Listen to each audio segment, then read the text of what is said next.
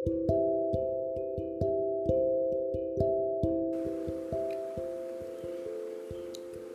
ini kita memilih untuk berjarak.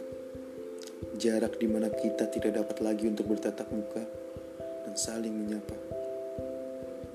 Bagiku jarak hanya masalah geografis, serta ditambah sedikit egosentris yang membuat kita enggan untuk mencapai kebahagiaan bersama. Padahal katamu waktu itu jangan ada jarak ya di antara kita. Tapi itu hanya soal waktu.